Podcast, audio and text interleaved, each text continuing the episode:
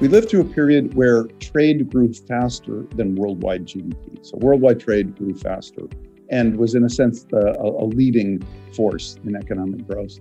I think that was an unusual period, and um, we won't return to that.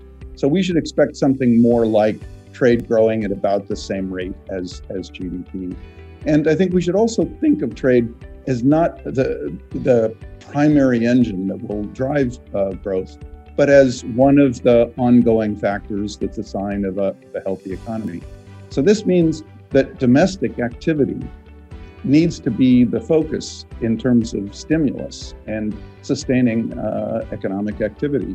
Uh, countries need to figure out what are things that we could make or build or do that would be beneficial to us, things that we can make ourselves, build ourselves, do ourselves, that we will actually benefit from having access to.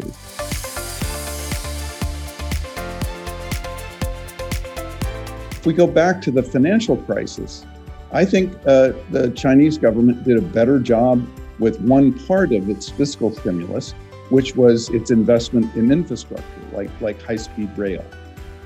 Uh, there is another part of the, uh, the approach that uh, many countries have used, including China, which is to encourage borrowing to uh, facilitate things like uh, construction.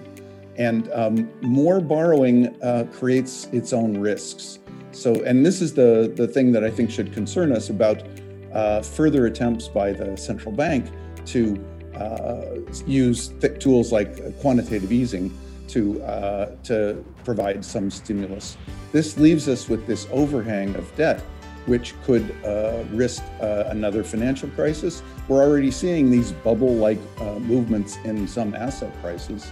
So I, I, think the, the, the kind of uh, fiscal stimulus in, in, towards, towards uh, physical construction, towards infrastructure, this is a very, uh, I think, a very productive way to go. And, and China's done a better job of this than many other countries. It's important to think of technology as being like a, a double edged sword. Technology creates many new possibilities.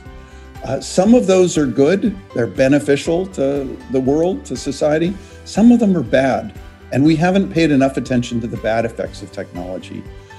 Uh, the, the role for the government is very important here because if the government can prevent the bad technologies from being deployed, then when we get more innovation, what we have access to are all the beneficial ones on the upside, but we just uh, limit the, the downside ones. So more and more possibilities mean that we do more and more good things.